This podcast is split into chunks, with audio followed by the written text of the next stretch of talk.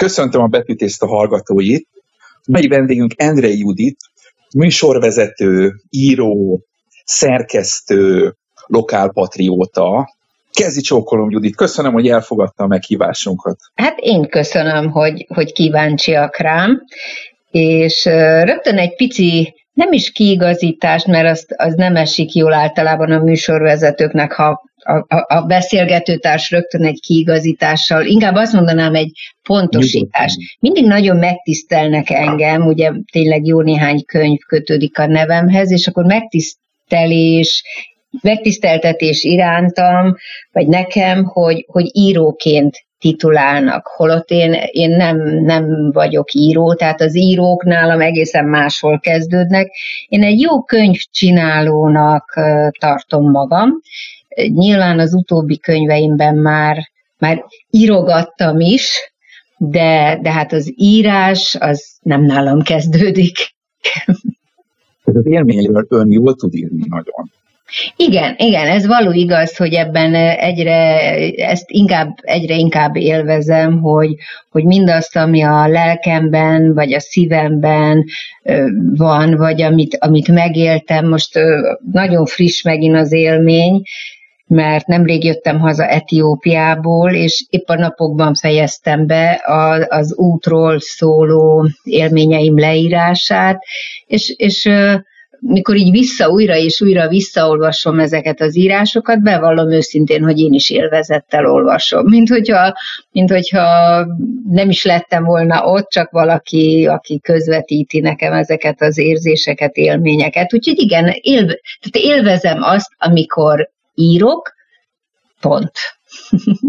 Csodálatos tájakon jártunk, kedves emberekkel találkoztunk, egy nép nagyon finom konyháját kóstoltuk meg, nagyon gazdag történelmével ismerkedtünk, úgyhogy hatalmas élmény volt ez az utazás. Meg szabad akkor kérdezni, hogy mit olvas most? Mit olvasok? Hát a legfrissebb, ugye most ennek a, ez a beszélgetés a koronavírus idején zajlik, és mielőtt válaszolok, akkor rögtön hadd mondjam el, hogy, hogy hihetetlenül sokat engedélyezek magamnak olvasni. Tehát az elmúlt sok év alatt, tehát nálam napi betevő falat az olvasás, de hát azért mindig korlát szab az, hogy, hogy mennyi időm van. Tehát minden nap olvasok, de nem órákat és most, most ez a sok szabadidő, ami ránk szakadt, hát ez lehetővé teszi, hogy reggel, akár délután is, pláne este olvassak. A legfrissebb olvasmány, amit éppen az este kezdtem el olvasni, na várjon, muszáj megnéznem, mert ezt a könyvet például úgy fedeztem fel magamnak, ezt nem kell tudni, én magyar-orosz szakos tanárként végeztem, és az orosz nyelvet én mind a mai napig használom, gyakorlom, igyekszem amennyire lehet frissen tartani. Éppen ezért én nézem az orosz televízió műsorait. És ott most ment egy sorozat, ők nagyon sok és igényes sorozatot csinálnak, különböző témákban, de legfőképpen a történelmiek tetszenek, és ment egy sorozat Zulejka címmel, és hát csak kíváncsi voltam, hogy, hogy, hogy mi, ez a, mi ez a sorozat, és utána megtaláltam, magyarul megjelent, Zulejka kinyitja a szemét, egy Guzel Jahina nevű hölgy a szerzője, és hát a 30-as évek Oroszországa, Tatárföldön. Még ugye direkt nem néztem meg a sorozatot, hogy, hogy a könyvnek teljesen átadhassam magam, és, és ugye nem tudom, hogy, hogy miről szól. Arról szól, hogy, hogy az asszonyokat ott is összeszedik, és munkára elviszik, és hát e körül forog a történet, de hát a már bele vagyok. Hogy? Mondja, mondja a krími tatárokról? Nem, a krími nem a krími, ők a kazány, kazány környéki tatárok, tatárföld. Tehát nem, nem a, a Krím környéke, hanem ez Kazány és környéke. Tehát őket akkor Stalin nem deportált? Hát ugye nem, nem, viszont borzasztó, amit átéltek, tehát már ez kiderült a könyvből, még az elején járok, hiszen tegnap kezdtem el olvasni, hogy őket is sajnos a, most oroszul akartam mondani, a NEP, tehát amikor a, a padlásokat lesöpörték, állatokat elvitték, éhínség ott is nagyon mm, tombolt és jelen volt, tehát azokban az időkben, a 30-as évekig, években kezdődik el a történet, csak egy visszaemlékezésből kiderül, hogy mindez ott történt. Na most tudom magam, mert én így olvasok, hogy el fogom most olvasni ezt a könyvet, és akkor leemelem a polcaimról, mert nagyon-nagyon sok könyvem van, és még mindig van nagyon sok, amit nem olvastam, mert ilyenkor, amikor egy témára így rá, hát nem túl irodalmian kifejezve rá kattanok, akkor én abban a témában legalább 4-5-6 könyvet elolvasok. Tehát biztos, hogy elő fogom venni az orosz irodalomnak azt az időszakot felidéző könyveit, íróit. Úgyhogy ez a legfrissebb most, amit. Egy Persze, kicsit hosszan meséltem, hát mivel ez egy rádióműsor, meg felvesztük, azt fog kivágni belőle, amit gondol. Nem, Ludmilla Ulickájának. Ó, Ebből az orosz korszakból, vagy szovjet korszakból? Majd, majd mindent olvastam. Az az érdekes, hogy ezt a Guzai Jahina könyvet Ulickája ajánlotta. Tehát az ő ö, ajánlása van a könyv elején. És most a napokban, ugye mondtam, hogy, hogy rengeteg könyvem van, és már annyiszor elhatároztam, hogy többet nem vásárolok, és Ulickájától is legalább 5-6 könyvem megvan, de amikor ezt az előző könyvet kerestem, akkor felfedeztem, hogy Ulickájának van egy Médea és gyermekei című könyve, úgyhogy azt is megrendeltem. Tehát azért mondom, hogy hogy igen, nem tudom, amit kérdezett az előbb, ő egy Ulickája hős, mert nem hallottam rendesen, valószínűleg ez nem, nem, bocsánat, bocsánat pont, pont azt szeretném volna kérdezni, hogy ettől az írótól, Ulickájától, hogy tetszette már olvasni valamit, mert az Igen. ő Sokat. korszak írói témaválasztása nagyon kötődik ehhez a, ehhez a korszakhoz. Igen, én nagyon szeretem Ulickáját, mert annyira, annyira hétköznapi, és annyira a hétköznapi életről ír, és ezt én már régen megállapítottam, hogy, hogy maga az élet nagyon sokszor sokkal izgalmasabb, mint, mint nem tudom, egy írói fantázia ö, története, meséje, úgyhogy Ulickáját is azért szeretem, mert szerintem ő nagyon, nem, nem olvastam kritikákat róla, nem olvastam irodalomtörténeti írásokat róla, elemzéseket, de mégis azt érzem, hogy ő nagyon sokat merít abból, ami körülötte történik, amit ő hallott, amit ő átélt, úgyhogy igen, szeretem őt nagyon. Uh-huh. És ez melyikhez kapcsolódna ez a regény legjobban? Hát most én nem fogom tudni ezt így beazonosítani, hogy éppen melyik. Ugye mikor Ulickáját olvastam, most akkor fölállhatnék, oda mehetnék a polchoz, hogy melyik könyveket olvastam, mert azért ő nem csak a 30-as évekről ír, hanem ő bizony ír a 50-es, 60-as, 70-es évekről, amikor a Szovjetunióban még azért nem volt olyan könnyű, könnyű az élet, se politikailag, se gazdaságilag, se mentálisan. Úgyhogy ő nem csak szűken a, a 30-as évek, sőt, szerintem inkább így az 60-70-es évek, meg hát a jelenkor is ott van a könyveiben. Igen, igen, mondjuk a Jákob Lajtorjárja az nagyon jól végigveszi annak a, Aha, végülis az ő igen. családjának a történet. Igen, azt, az, az, és az, a, az Nálam az a baj, hogy se filmek címét nem jegyzem meg, se könyvek. Most, hogy így kimondta, hogy Jákob Lajtorjárja, igen, ó, talán az volt az első Ulickaja könyv, amit olvastam. Igen, és aztán jött a többi. 70-es, 80-as években így történtek a dolgok? Oroszországban, a Szovjetunióban, hogy Egyrészt 70-es, 80-as években én, én gyakran megfordultam a Szovjetunióban. Nyilván azt én vendégként, turistaként nem érzékeltem, hogy illetve nem is, nem, nem, nem kiigazítom saját magamat, hiszen a 70-es években is már voltak barátaim, a 80-as években is, és azért így nagyon szűk baráti társaságokban bizony elhangzott sok minden. Igen. Nagyon érdekelne, hogy az orosz irodalmat, vagy az orosz szakot miért választotta ön? A kultúrának szerepe volt benne?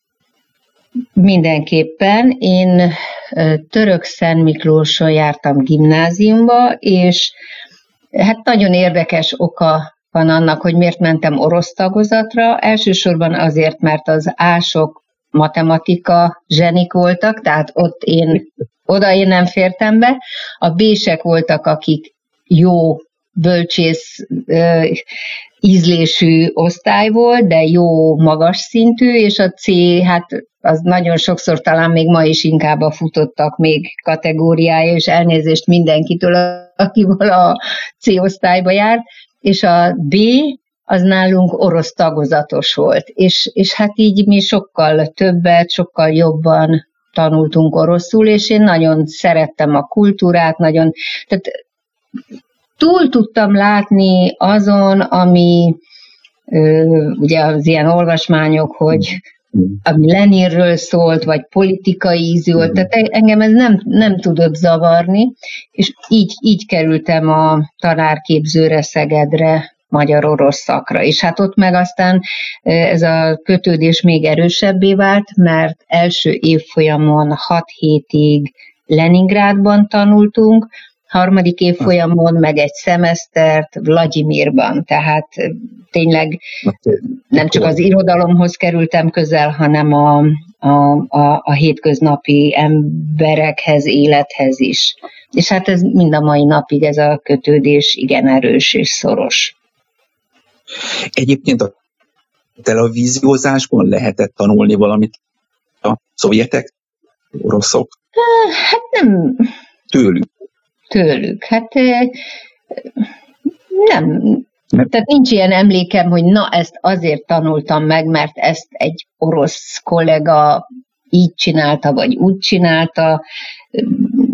Nem, nincs ilyen élményem sem emlékem. Nagyon sok közös munkánk volt, hiszen abban az időben ez a nemzeti estek, tehát én is nem egyszer voltam kint Moszkvában április 4-én, és onnan is nem egyszer jött vendég november 7-én, ha még valaki emlékszik, hogy mit ünnepeltünk a, ezeken a dátumokon, és hát sokszor készítettünk közösen műsor, de nincs ilyen emlékem, hogy, hogy, hogy én bármit megtanultam volna, és szerintem ők se tanultak tőlem semmit, egyszerűen csak kellemes és baráti közös munkák voltak ezek. Kultúraőrzés, hagyományőrzés, uh-huh. az náluk ennyire fontos?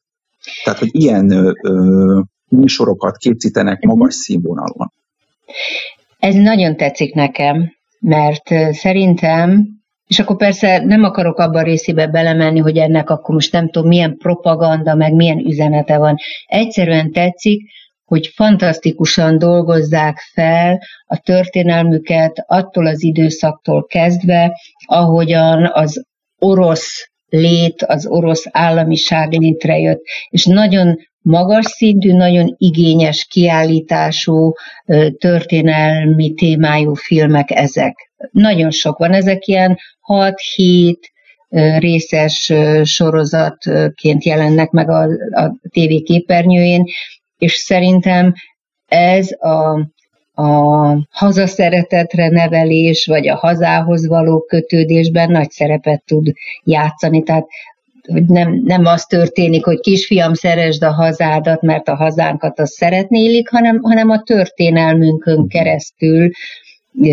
ha annak dicsőséges, vagy nem is mindig dicsőséges oldalát egy-egy játékfilmben, vagy, vagy sorozatban bemutatják, az szerintem, tehát az orosz népre amúgy is nagyon erősen jellemző az érzelmi érzelmi töltet, vagy az, az nagyon, nagyon érzelemgazdag népről beszélünk, legalábbis így a tapasztalataim által is, és tehát szerintem ezt így lehet erősíteni, és lehet gazdagítani, és lehet ismereteket, tehát most nem tudom miért bevillan, amikor egy-két évvel ezelőtt a valamelyik televízió az utcaemberét megkérdezte március 15-éről, meg, meg nove, tehát, tehát megkérdezte történelmi évfordulóinkról, és az utca emberének zöme, fiatalok, idősek, olyan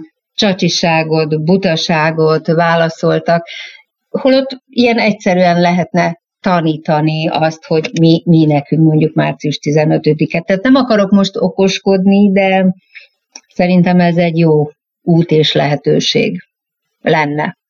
Judit, mesélne nekünk még érzelmes népről? Kik között jár? Érzelmes nép, Um, hát ugye ezen gondolkoznom kellene, hogy hol, ó, oh, hát a grúzok, hát például a grúzoknál hihetetlenül mennyi, három, három-négy éve jártam ott, először, de bízom benne nem utoljára, és, és ott, ott is nagyon erős érzelmi töltést kaptam, ahogy, ahogy a vendéglátók, akik ott minket fogadtak, ahogy a történelmükről mesélnek, ahogy, ahogy a tehát valahogy azokból az emberekből is azt éreztem, hogy, hogy nagyon erősen kötődnek a hazájukhoz. Persze, hát melyik nép nem kötődik erősen a hazájához, nyilván mindenki, de valahogy a grúzoknál talán ezt mindenél erősebben éreztem. Igen, az ázsiai emberek mások, ők, ők visszafogottabbak, zárkózottabbak, de persze biztos, hogy közrejátszik az is, hogy, hogy ugye, ha oroszul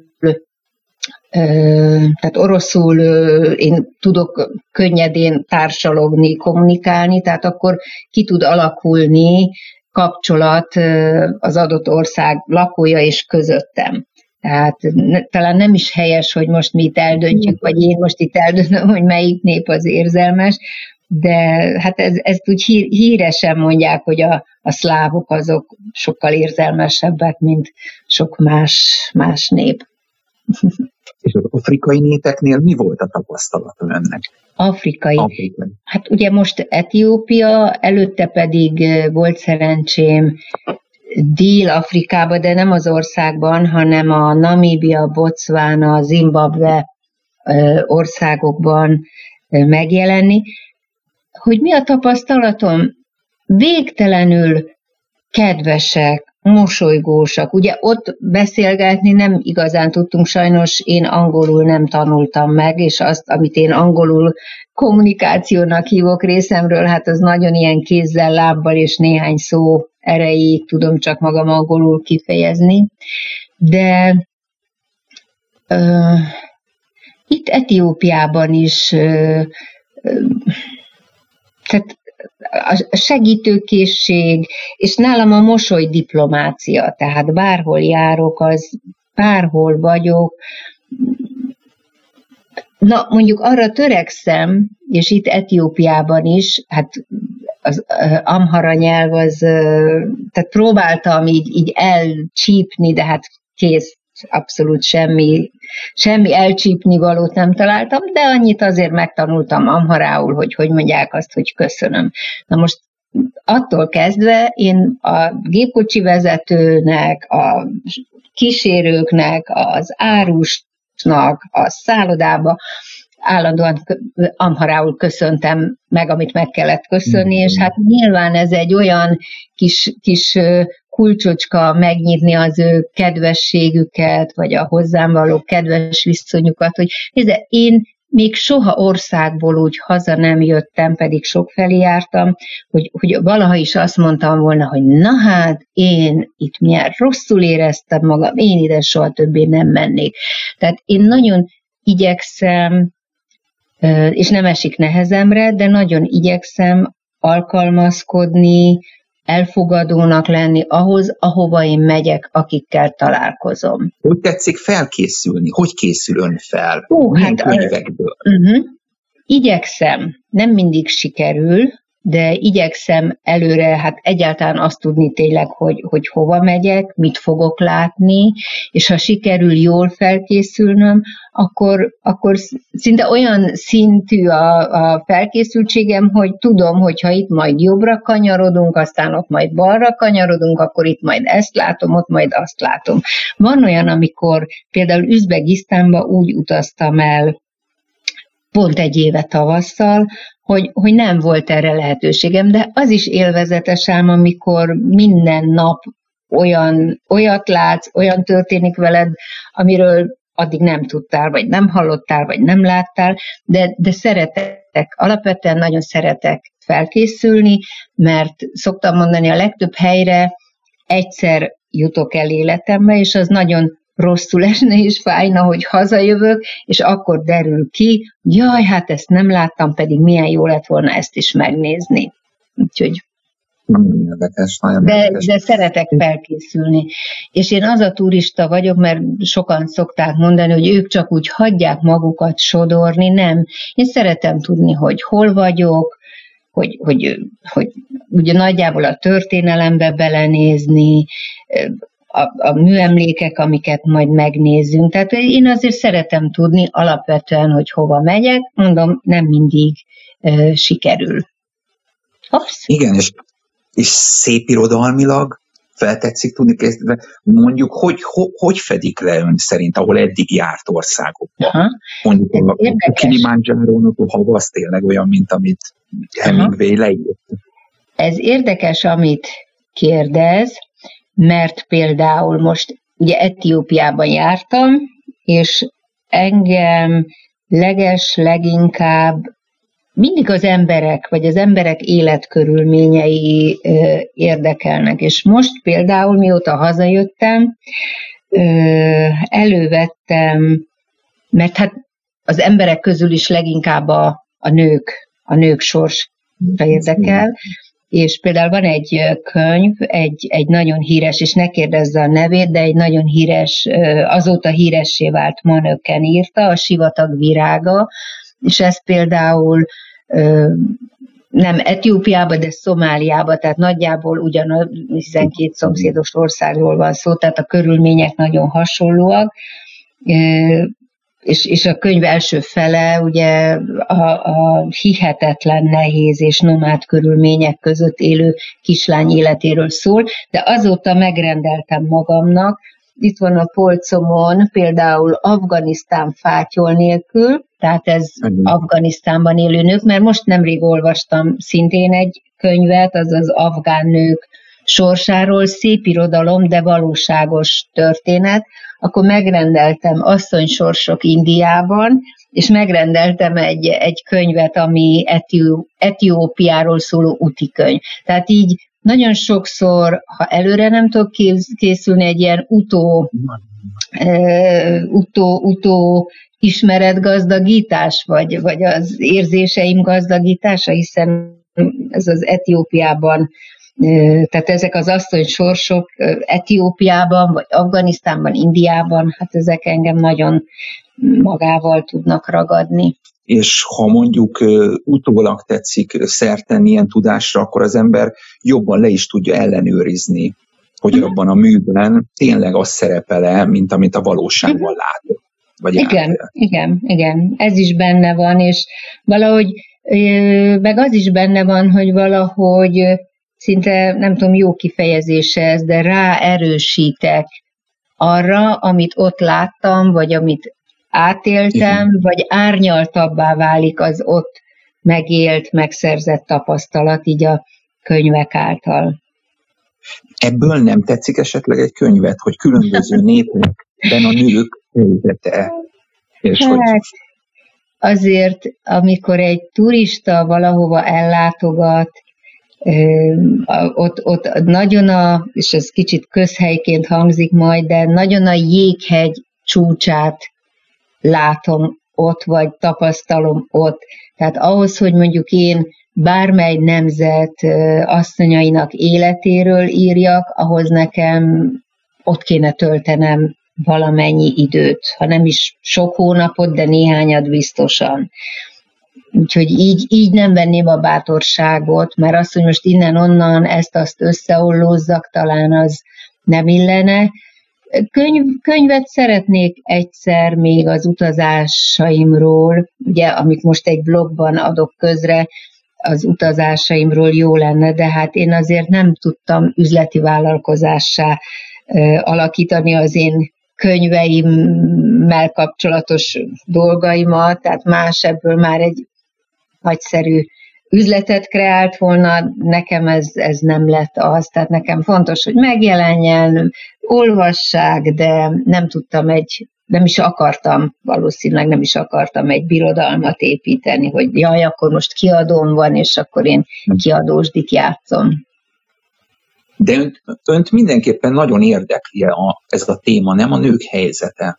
Igen, Igen. hát nézd, nő vagyok, nyilván nagyon érzékeny vagyok a, a, a, a női létre, és nyilván egészen más, más, nem is tudom, hogy más egy Európában élő nő helyzete, mert persze itt Európában a nők abból a szempontból mindenképpen jobban élnek, hogy víz, villany, fedél a fejünk fölött, ennivaló, tehát hogy Ugye én most láttam Etiópiában, hogy élnek az emberek, tehát az, az, az Nálunk a, a nőket, ugye ez a családon belüli erőszak, és akkor nem akarok most ebbe hosszabban belemenni, de inkább, inkább ez az, ami az Európában élő, vagy a, a nyugati, a civilizáltnak mondott nyugati világban élő nőket érinti, ez a, ez a családon belüli erőszak, tehát ez az, ami hát egy nagyon kemény és nagyon sötét dolog. Tehát más, más körülmények között élnek azok az asszonyok, mm, nem is jó, nem is helyes talán összehasonlítgatni, hogy nekik mitől nehéz, vagy nekünk itt mitől nehéz, de hát bárhol vagyunk, akár itthon, akár a harmadik világban, én mindig azt mondom, és arról beszélek, hogy a legfontosabb az, hogy egy nő tanuljon, egy, egy lány tanuljon, mert akkor tud kiemelkedni abból a, azokból a körülményekből, akkor nem lesz kiszolgáltatott, akkor nem, nem függ mástól, ha tanul. Ezt milyen hiszem. volt, volt része önnek, kedves Judit, őszinte beszélgetésekben?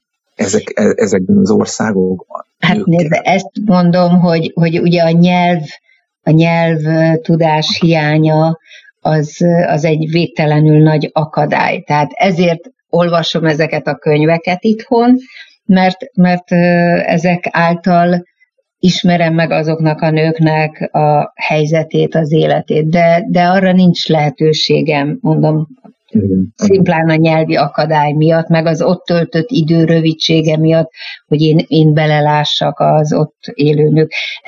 De az, hogy, hogy milyen kemény mondjuk az Etiópiában élő nők helyzete, nézd, elég volt végignéznem, hogy milyen házikókban, vicsillókban, kunyhókban laknak, főleg vidéken. Az, hogy kislányok 6-7 éves hátukon 20-25 literes műanyag kannába cipelik a vizet sok kilométerről, hogy, hogy az iskolába járás sem olyan egyszerű, mert nem, nem úgy van, mint nálunk, hogy minden településen, vagy legalább a szomszéd településen azért, de van iskola, itt az is hosszú kilométerekre, szóval na, nehéz, nehéz, nehéz. De mondom, ez inkább az itthoni olvasmányaim segítenek abban, hogy ezeknek a nőknek az életébe belelássak. De ön, ön európai szemmel utazik, nem? Hát nézd, természetes, hogy európai szemmel, hát itt élek, itt szocializálódtam, és nagyon érdekes, amire rákérdez, mert éppen ma ö, gondoltam, hogy beleszövöm a kész anyagba, hogy mi is nekünk, mi is a boldogság? Ugye ott kint Etiópiában is így sokszor elhangzott, hogy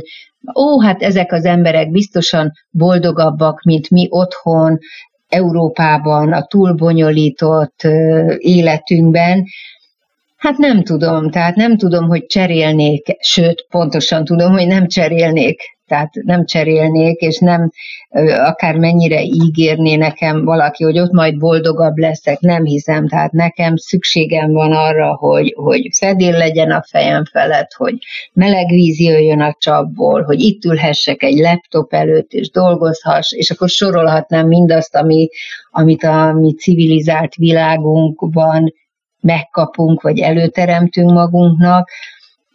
Persze, na erre megint mondok egy érdekeset. Ugye nálunk mi a gazdagság itt Európában?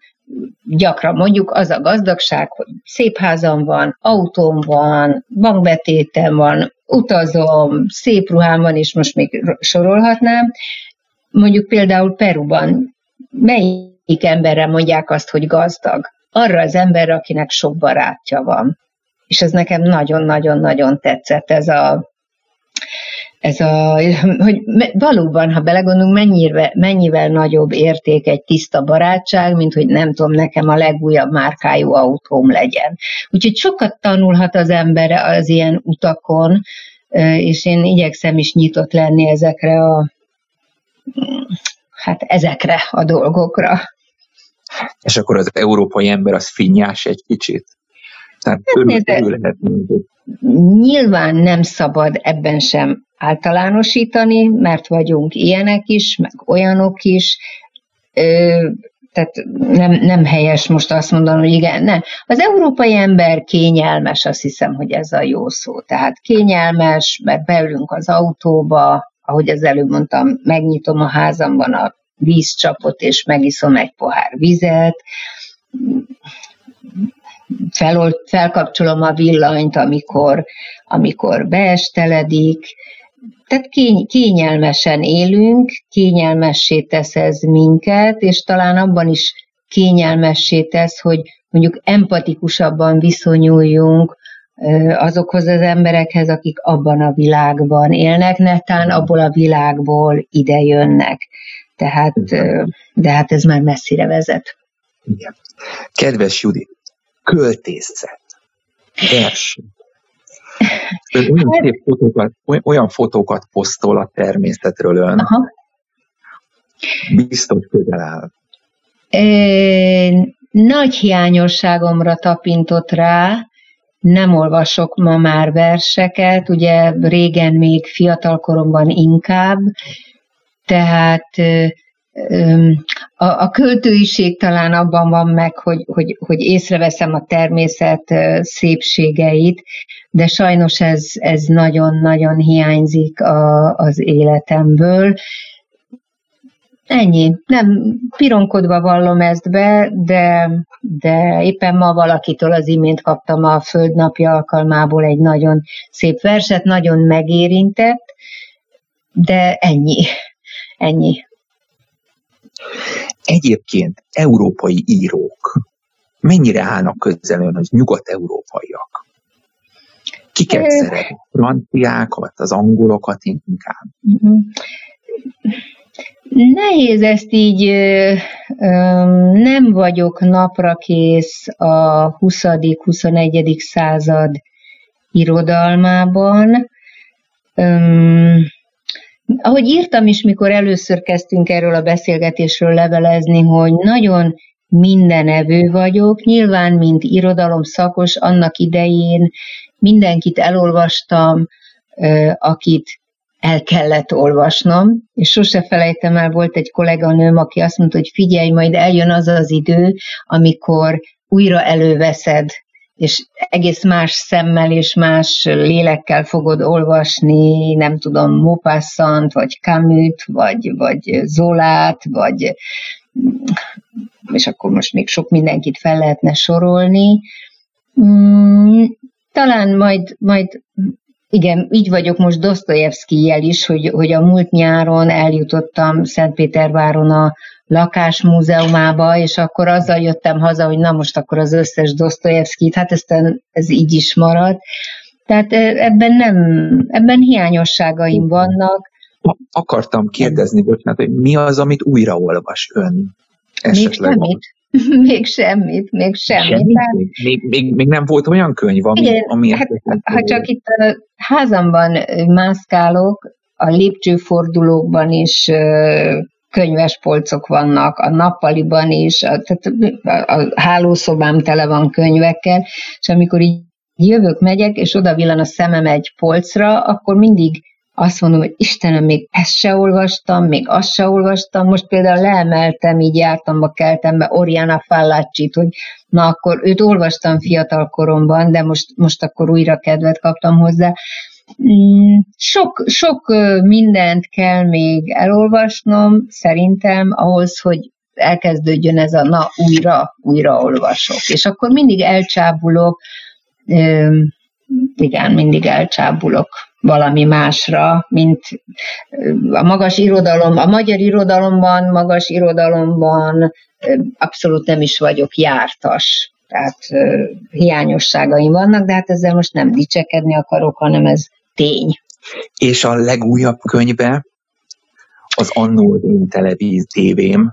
Annó az én tévém, hát ez egy teljes szívemből megírt könyv, Ráadásul én ezt nem is akartam, tehát soha nem terveztem, hogy én valaha majd az én tévés időszakomról könyvet írjak. Ennek, hogy szoktam ezt mondani, hogy, hogy a, maguk az, az olvasók idézélbe követelték ezt ki, hiszen ugye a korábbi könyveim kapcsán is sokat hívnak vidékre, előadást tartani, beszélgetni, közönségtalálkozóra, és mindig bármiről, ugye az előző könyvem az az, az aktív idősödésről szól a korhatártalanul, hiába beszélgettünk arról, mindig felvetődött az a téma, hogy na és hogy volt annak idején a televízióban. És a hugom volt az, aki szorgalmazta, hogy írd meg, írj erről.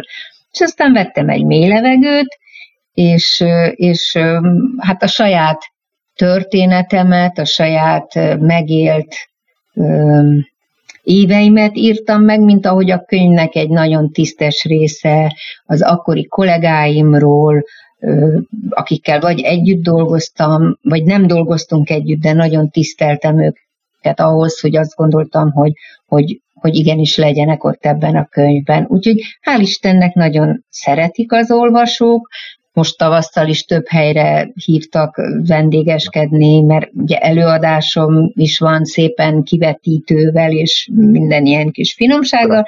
Hát sajnos ez, ezek most elmaradnak. Majd bízunk benne, hogy majd sor kerül rájuk. Egyébként, egyébként a könyv és a televízió biztonyáról mit tetszik gondolni?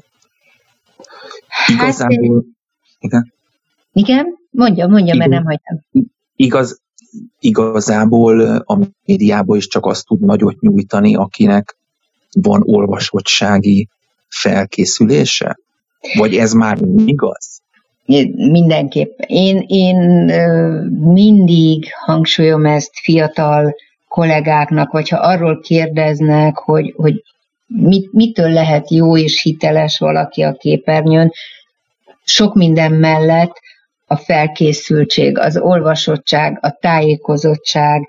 Ugye annak idején, mikor én tévéztem, az adásokra való felkészülés nem volt olyan egyszerű, mint manapság, és most, most konkrétan egy adásra való felkészülésről beszélek, mert annak idején legfeljebb kezemben nyomtak egy vagy két fénymásolt újságcikket. Igen, de én, én nagyon tehát a művészvilágban való történések, hiszen én elsősorban kulturális témákban dolgoztam, tehát én, én napi szinten olvastam, tehát nem abból az egy cikkből ültem le, és beszélgettem rendezőkkel, vagy írókkal, vagy, vagy színészekkel, hanem, hanem, hanem mondjuk így napra kész voltam. Ma olykor hiányolom ezt, és hát bizony sokszor látom, hogy ül egy műsorvezető, előtte mappa, ami nem baj, mert persze legyen egy szamárvezető, de hogy, hogy, hogy össze van Tehát nem igazi beszélgetések zajlanak, hanem összeírnak öt kérdést, tíz kérdést, azon szépen megy végig, és akkor már lehet, hogy a riportalany rég beszélt adott témáról, de mert még a nyolcadik kérdésben azt kéne, szóval de hát nézze, ez, ez a nem is a szakma iránti igényesség, én szerintem, hanem, hanem a saját magam iránti igényességről van szó. Tehát én nem tudom elképzelni az életemet, hogy, hogy, hogy ne olvassak, hogy, hogy ne, de nagyon szeretem, tehát mert lehet, hogy ez még fölmerülne kérdésként, hogy mondjuk egyébként tévében nézek-e tévét, és mit nézek a tévében.